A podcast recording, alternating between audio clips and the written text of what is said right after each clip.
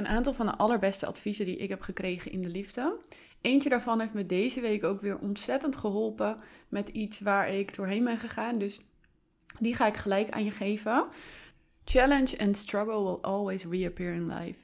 En daarbij hoort ook nog eat the shame for breakfast. En dat is eigenlijk een beetje een gecombineerde. Ze, ze kunnen ook los van elkaar. Maar ehm, die twee heb ik van mijn coaches gekregen. Omdat heel veel wordt gezegd over manifesteren en over de love attraction. En je trekt alles aan wat je doet. En of het waar is, ja, er zit vast een kern van waarheid in. Want, want ik geloof best wel in het hele manifesteren concept. Alleen ik focus me er niet meer op, want het helpt me niet. Want als ik bijvoorbeeld iets heel naars meemaak, wat van de week is gebeurd, ga ik zo nog iets over vertellen. Of stel je voor mensen die bijvoorbeeld te maken krijgen met aanranding of ergere dingen of geweld of weet ik veel wat of hun huis staat in één keer in de brand, dan gaan die mensen zeggen: Ja, dat heb je zelf gemanifesteerd. Wat ga je dan doen? Dan ga je helemaal analyseren wat er dan mis is met je, wat je dan verkeerd hebt gedaan, welke gedachten je allemaal verkeerd hebt gedaan. Je gaat allemaal denken: Er is iets mis met mij. Daar is dat een beetje dan de basis voor. En, en dat weerhoudt je alleen maar van je eigen succes. En ik leer hier om me heen. Er zitten hier heel veel succesvolle mensen om mij heen in het echte leven, niet meer zo in de Instagram-bubbel. En wat ik daar zie is mensen die continu te maken hebben met challenges en uitdagingen en struggles. En wat zeggen zij? De reden dat ik succesvol ben, is omdat ik ben gaan houden van die struggles. Omdat ik ben gaan houden van de uitdagingen. Omdat ik ze gewoon aanga en elke uitdaging zie als: hey, nu kan ik weer laten zien aan mezelf, aan God, aan waar je ook in gelooft, hoe sterk ik ben. En dat ik nog steeds kan kiezen voor een open hart, voor liefde, voor kindness. En hard kan zijn op de juiste momenten. Dat is wat challenges me leren. En als je op die manier daarna gaat kijken, van joh, challenge komt gewoon altijd terug, struggle komt altijd terug, maakt niet uit waar je staat, het komt gewoon terug. En je kan er beter maar van leren houden en het gewoon aangaan en het gebruiken als, hé, hey, ik kan weer laten zien aan mezelf hoe sterk ik ben of hoe, uh, hoe ik mijn hart nog steeds kan openhouden naar alles wat er met me gebeurt, wat het ook maar is dan creëer je veel meer stabiel succes en dan creëer je een veel sterkere persoonlijkheid die alles aan kan. In plaats van dat je gaat kijken, oh, er gebeurt nu dit, wat, wat, wat heb ik gedaan, wat heb ik verkeerd gedacht, hoe kan ik andere gedachten creëren? Nee, hoe kan ik deze uitdaging aangaan? Wat vraagt het van mij om nu deze uitdaging aan te gaan, mijn hart weer te openen, weer in compassie te komen? Soms vraagt het heel veel hardheid in het moment, soms vraagt het van je dat je creatiever wordt, dat je je uitspreekt, je meer discipline creëert, dat je nieuwe gewoontes aanleert. En soms vraagt het ook de discipline om iemand bijvoorbeeld uit je leven te halen. Soms vraagt het van je dat je bepaalde dingen doorvoelt. En dat brengt me dan weer op het volgende advies van eat shame for breakfast. Want schaamte is vaak het enige gevoel wat je echt tegenhoudt. Het is vaak nog niet eens angst, maar het is schaamte. En hoe meer je thuis kan voelen in het gevoel van schaamte, hoe beter en stabieler je ook groeit als ik nu even naar mijn eigen ervaringen kijk. Mijn liefdesleven gaat aan zich eigenlijk heel erg goed. Ik heb dit jaar superleuke mannen gedate. Ik zat op de keuzestoel. Ik kon kiezen uit de beste, uit allemaal husband material. Die de hele wereld aan me willen geven. Waar ik vrouw kan zijn. Waar ik ook mezelf helemaal aan kan geven. Vanuit vrouwelijkheid. Waar ik blij ben om vrouw te zijn. Omdat we ja, gewoon aanwezig kunnen zijn met elkaar. En ervan kunnen genieten van dat hele spel man en vrouw. En op dit moment ben ik ook serieus aan het daten met iemand die voor mij op alle vlakken klopt. Vooral gevoelsmatig. En dat is het allerbelangrijkste, want dat heb ik de vorige keer nogal genegeerd. En ik word voorzien van romance, van leuke tripjes, van allerlei leuke dates. Ik heb het super leuk op dit moment en ik ben ook heel erg vervuld en gelukkig. Maar tegelijk heb ik ook heel veel uitdagingen. En soms denken mensen wel eens van: oh ja, jij gaat gewoon zo heel makkelijk door het leven. En dat is ook zo, maar dat is niet omdat ik geen uitdagingen heb. Dat is juist omdat ik heel veel uitdagingen heb en ze heb leren zien als: oh leuk, ik ga kijken wat dit van me vraagt. Of soms ook echt: shit, niet weer. En dan moet ik ook schaamtes doorvoelen en angsten doorvoelen en denken: ja, maar ik ga gewoon wel weer. Ik ga gewoon weer opstaan en ik ga het weer doen. Of ik heb ook heel veel feedback aan mijn dates gevraagd dit jaar. Nou, dat is ook best wel intens om te dragen hoor. Het is niet Kijk, het is relatief gezien niet iets levensbedreigends, maar het kan wel zo voelen in het moment. Nou, deze week had ik ook weer een hele leuke, want um, ik heb dus een ex die mij mishandeld heeft. En die kwam deze week ineens weer om de hoek kijken, helaas. Ik dacht dat het contact verbroken was en dat het allemaal prima was. En ik ben daar ook best wel luchtiger in geworden dat ik ook mensen niet altijd hoef te vergeven van mezelf. Dat is ook zo'n pad dat ik eerst heel erg in ben gaan van ja, ik moet vergeven, ik moet alles liefde en licht en Nu ben ik veel rustiger daarin, omdat ik juist tegen mezelf zeg: ja, ik hoef niet altijd iedereen te vergeven. Sommige gedrag is gewoon niet oké, sommige mensen zijn niet oké en dat is ook gewoon prima. Het hoeft allemaal van mij niet zo politiek correct meer. En ik zeg hiermee niet dat het de juiste manier is. Je mag daar jezelf kiezen wat voor jou werkend is. Ik zeg alleen wel dat het mij veel liefdevoller heeft gemaakt naar de mensen die dat ook naar mij zijn. En veel compassievoller en veel rustiger. En ook veel makkelijker in uitdagingen dus. Maar goed, die ex die kwam dus weer even voorbij. Die uh, had kennelijk ooit een keer mijn creditcardgegevens opgeslagen. En die had daar leuk hotels van geboekt en alles. En dat doe je heel bewust, want je moet altijd die code invoeren. Dus hij heeft geen creditcard, weet ik. Dus hij heeft bewust die code ingevoerd. Dus het is niet zo dat dat per ongeluk gegaan is. En het is ook nu ineens. Dus ja, die heeft voor een kleine 500 euro even aan hotels geboekt op mijn creditcard. Nou, dan kan ik in één keer gaan denken: oh, ik zal wel weer uh, iets verkeerds in mijn uh, chakras hebben. Of uh, ik zal wel verkeerde gedachten hebben gehad. Of iets verkeerd hebben gedaan en dat het mijn karma is. Dat kan allemaal. Maar denk je dat het me helpt op dat moment? Ik kan niks bedenken op zo'n moment. Als het al zo is dat ik iets verkeerd heb gedaan, dan zie ik dat toch pas achteraf. Dus wat vraagt die uitdaging van mij? Nou, dat ik eerst wel even de ergernis doorvoel van nee, ben ik er nog steeds niet vanaf. Nou, en ook een stukje boosheid van ja, hij heeft dus van me gestolen, want dat is het eigenlijk. Het voelt heel naar als iemand dat doet. Zeker als je hè, bezig bent met iemand loslaten en dan komt hij ineens weer even op de lijn op zo'n manier. Ja, dat voelt gewoon heel naar. En wat vooral naar voelt voor mij is van, oh ja, ik ben super naïef geweest, want ik heb dus niet mijn creditcardgegevens veranderd nadat het voorbij was. Ik heb ook heel weinig op mijn creditcardrekening gekeken, want als het kleine bedragen waren, ja, dan let ik er dus gewoon niet zo op. Maar ja, nu was het dus in, één keer ook wel een groot bedrag wat erbij zat. Dus nu let ik er pas op. En nu zag ik dus dat het ook vaker was gebeurd. En als ik dit zo zeg, dan weet ik zeker dat jij ook zo'n herinnering hebt. Dat er ook allemaal dingen bij jou zijn gebeurd van waar je denkt, oh shit, ik was zo naïef of zo stom. Of ja, had ik misschien allerlei dingen kunnen doen om het te voorkomen, natuurlijk. En dat is ook je les hieruit. En ik leer nu ook weer van, ja, dit was inderdaad mijn schuld, want ik had mijn creditcardgegevens moeten veranderen.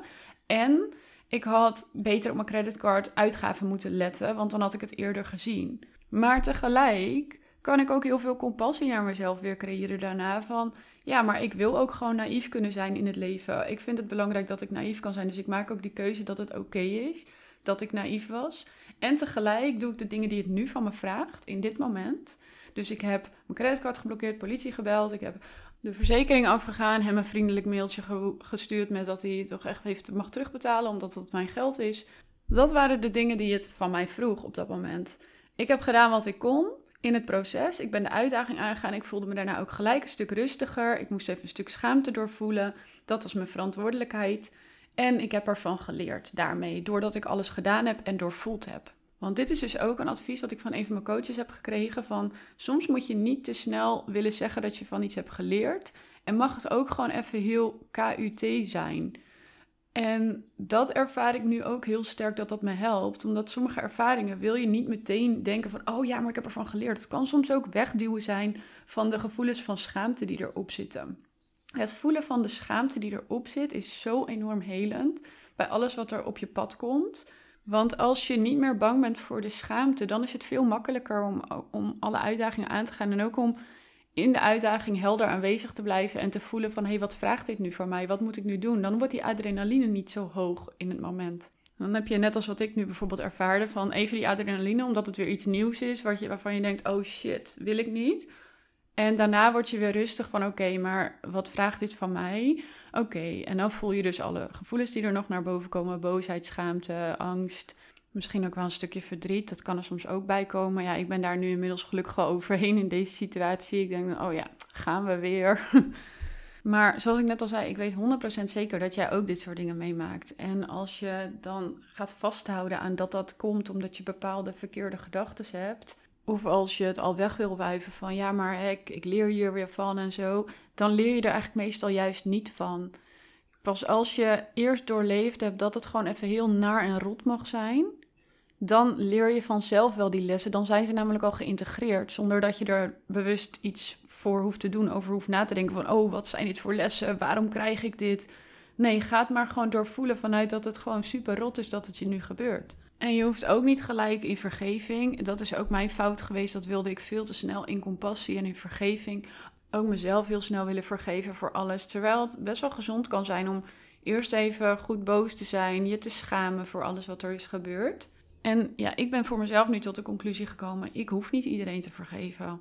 Ik vergeef hem niet. En met dat ik hem niet vergeef, kan ik ook helder aanwezig blijven. En merk ik ook bijvoorbeeld dat ik nu eindelijk dingen als manipulatie super snel herken. In de kleinste nuances van hoe iemand spreekt of wat iemand zegt, herken ik het. En dat betekent niet gelijk dat iemand manipulatief is.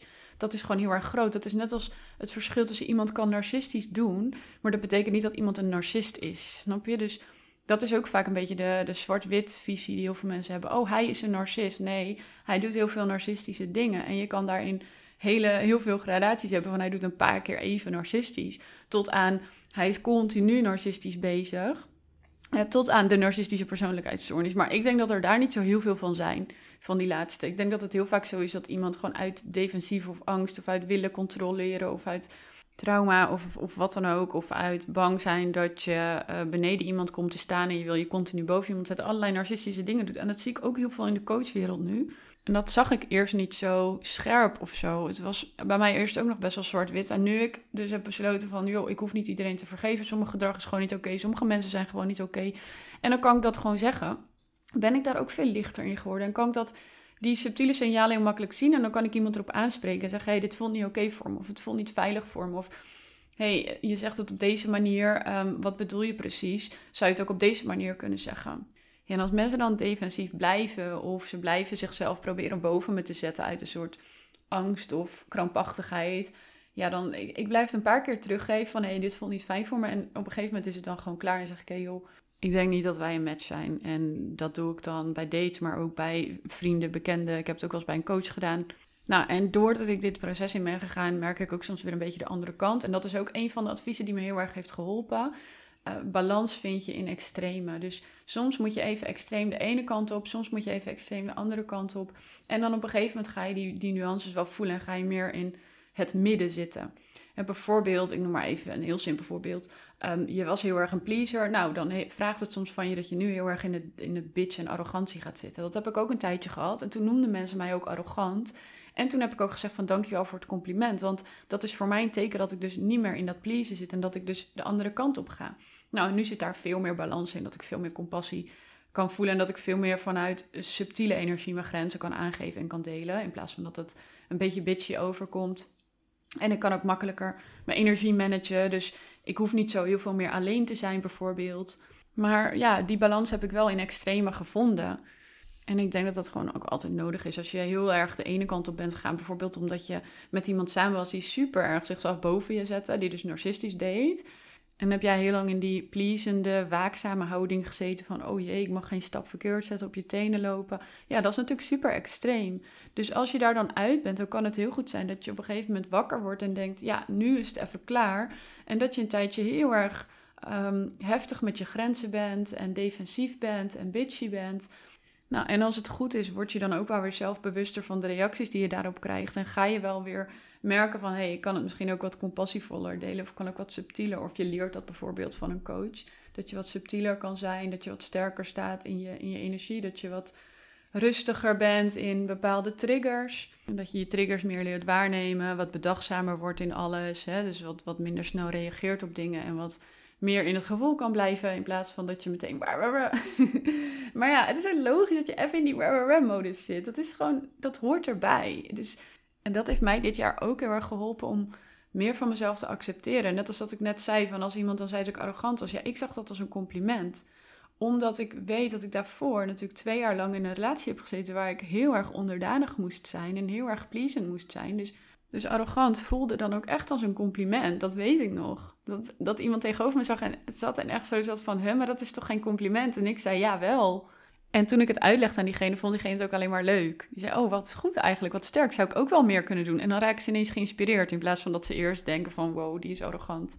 Nou, en de laatste die ik dit jaar ook heel erg um, heb vastgehouden, maar die komt misschien wel een beetje overeen met alles wat ik heb gezegd, is dat wat er ook met je gebeurt, laat het allemaal brandstof zijn om je hart dieper te openen, om meer compassie te creëren naar de mensen die, die je op je pad wil hebben, om meer kindness te creëren, om liefdevoller en bedachtzamer te zijn. En om meer expressie te geven aan alles wat je voelt en ervaart, maar wel ook vanuit bedachtzaamheid, zodat je de juiste woorden kiest wat je echt voelt. Hè, om te delen wat je echt voelt. Dat is een van de dingen die ik met mijn klanten altijd, uh, waar ik heel veel aandacht aan besteed. Van leer de woorden voor het delen van wat er eigenlijk echt in je omgaat. Dus niet je ego, niet je gedachten, maar je oprechte gevoelens. Nou, en ik heb mezelf voorgenomen om um, podcasts te maken die korter zijn dan 20 minuten, behalve als het met een gast is, maar van mezelf omdat ik zelf ook het allerliefst naar kortere podcasts luister. Ik weet natuurlijk niet hoe dat bij jullie zit. Dus mail me vooral als jij een langere podcast wil. Dan heb ik een beetje een indruk. Maar ik vind het altijd wel fijn als ik dan zie staan van 15 tot 20 minuten. Dan luister ik veel sneller dan dat ik een uur zie staan of zo. Tenzij het met een gast is, want dan vind ik het vaak wel weer leuk om de wisselwerking te horen. En voor mezelf wordt het dan denk ik ook wat leuker makkelijker om er elke week eentje op te nemen. Want dat is ook een van mijn doelen, om elke week een korte podcast op te nemen. Dus bij deze, my promise, every week another podcast. Maar wel een korte.